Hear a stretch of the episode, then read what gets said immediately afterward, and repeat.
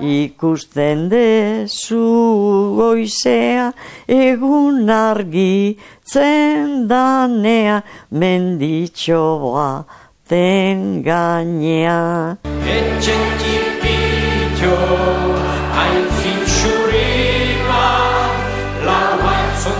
Etxea, ondarea historia mintzoa. Etxea, bizitokia izateaz gain, lantokia, bizitzaren ardatz, eraikin ezberdinak, kultura berbera, euskararena.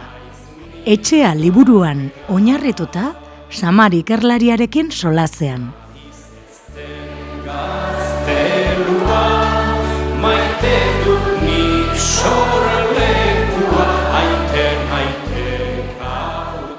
Gaurkoan ere, etxea, ondarea historia mintzoa liburuan barrena bidaiatuko dugu, samarrekin batera, astero egiten ari garen ibilbidea da, liburua duela e, pare bat urte argitaratu zuten Pamela argitaletzeak eta arroa argitaletzeak elkarlanean, e, etxearen Euskal Herriko etzen, ba, ikerketa sakona egin zuen samarrek, eta irratitarte honetan ba, liburuaren errepasoa egiten ari gara berarekin batera eta gaurkoan ere gurean dugu hau pasamar Kaixo, ane, moduz. Ondo, ondo, hemen gabiltza oraindik ere etxean eta etxeanen inguruan berba egiten. E, Bueno, egin ditugu eskualde eta lurralde ezberdinetako errepasua eta e, aurreko saioan geratu hortxe geratu ginen aipamena egin genuen, ez? Gipuzkoako e, e, badolare etxen inguruan, ez? E, sagardo gintzak e, izan duen garrantzia eta duen garrantzia egun oraindik ere. E, eta horrek ere ba, e, eragina izan du, ez, e, etxeetan, bazerrietan, eta gaurkoan horren inguruan e, hitz egingo dugu, ez, e, izan ere, hori da gehien aurkitzen duguna gipuzko aldean, ez, dolare e, baserriak? Bai, bai, momentu batean, ba, badira, badira bidaiariak, e, Euskal Herrian barna pasatu diren mendetan zehar, ba, horietako batzuk beti batzuek idatzi dute, ez, ikusi duta, ikusi du bestea, eta beti mm, bitxia da nola deskribatzen duten Euskal Herria, ba, sagardo herria bezala. Mm Sagar, sagardo izugarria edaten zela, eta batez ere, ba, joaten bagara, mila urte atzera, ikusten dugu nola ipatzen duten ardorik etzela, doidoia. Mm -hmm. Eta hori ikusten da, garrantzia izan zora, eta bere xiki gipuzkoalean garrantzizko izan zen, itxasoak e, garrantzia handia hartu zuenean ekonomia. Alegia, mm -hmm. ma, bosgarren, amazigarren men, bere xiki amazigarren mendetik e, aurrera, itxas zabala Amerika topatu izana, e, ternuako bidaiak, e, Atlantikon barna, balea eta rantza eta, mm -hmm. eta dar, mundu hortan sagardoak bere biziko garrantzi izan zuen, zen e, sagardoak eskorbutoren kontrako defensak eta vitaminak ditu, mm eta e, iduri du, ba, ba, ba, ura etzen prezizki edateko luze mantentzen ahal ere itxasotzetan. Ta, ta langintza horrek ikaragarrizko garrantzi zuen.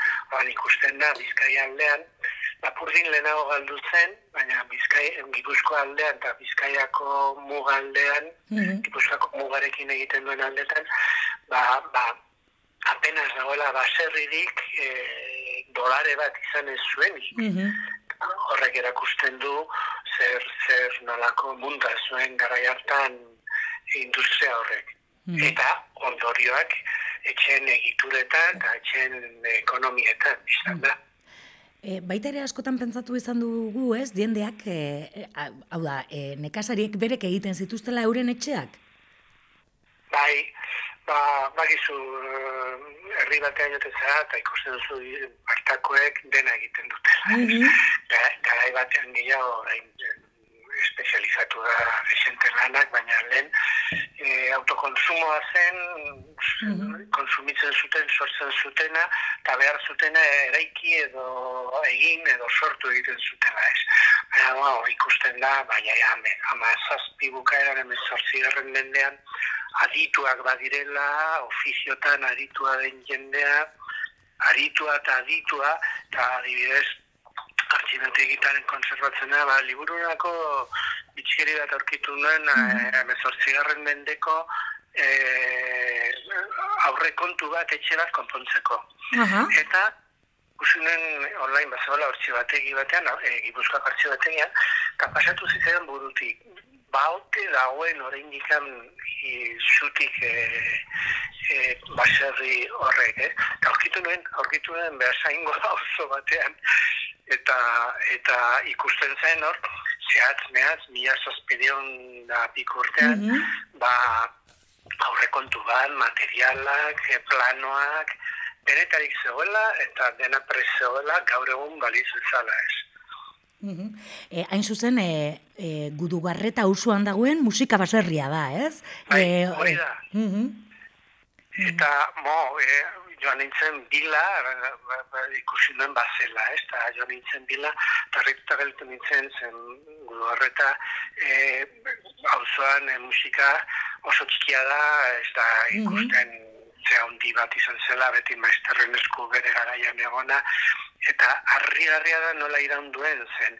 Goiko aldean metro gutxi batzuetara dago e, Bergara behasain autobia, Bai, Beko, aldea, beko aldean du metro batzuetara trenbidea eta trenbidearen beste aldean e, lantegi eremu bat eta ondotik ikusi dut ere e, abiadura hondiko trena non baitor pasatuko dela.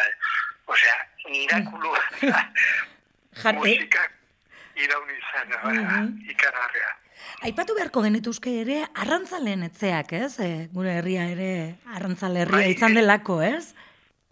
Bai, eta ez dire sobera ipatzen ez dire sobera ikusten e, ez da preziski ere to, e, tipikoenak baserriaren iduriaren aurrean. ez. Mhm.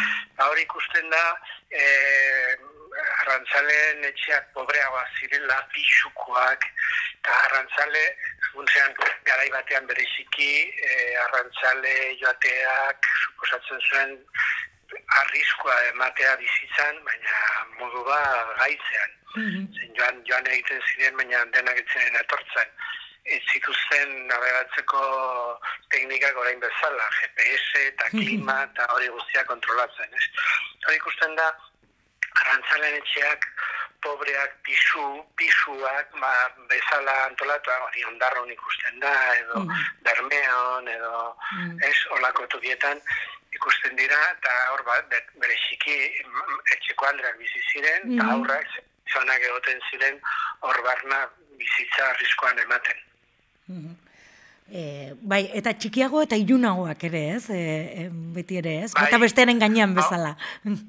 Hori da, e, pixutxoak, mm, txikiagoak, luzeskoak, ba, onjarbin adibidez oso bitxia da, ze ikusten baldin badu, ezautzen baldin baduzu on- ondarrabia, Mhm.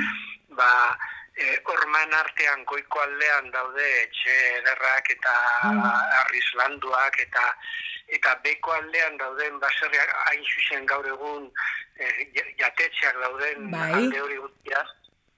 Hori ikusten baldin baduzu duela egun urteko argazketan, behiko etxe horiek ziren arrantzalenak eta aski pobreak ziren. Mhm. e, irigunetik e, a- landa aparte berezita eta aski pobreak. Eta gaur egun uste dut behin, jatetxeak bilakatu ondoren orain dirudi dela onjarbiko alderik e, jatorrena, ez? Bai, ederrena ere, ez? Bai, ados, ados. Goiko aldean, hormat artean, eta Mhm. dorre hori edo Bai. gauzelu horren on- ondoan dauden parteak, badire etxederrak, Ederrak bai baita ere. Mhm.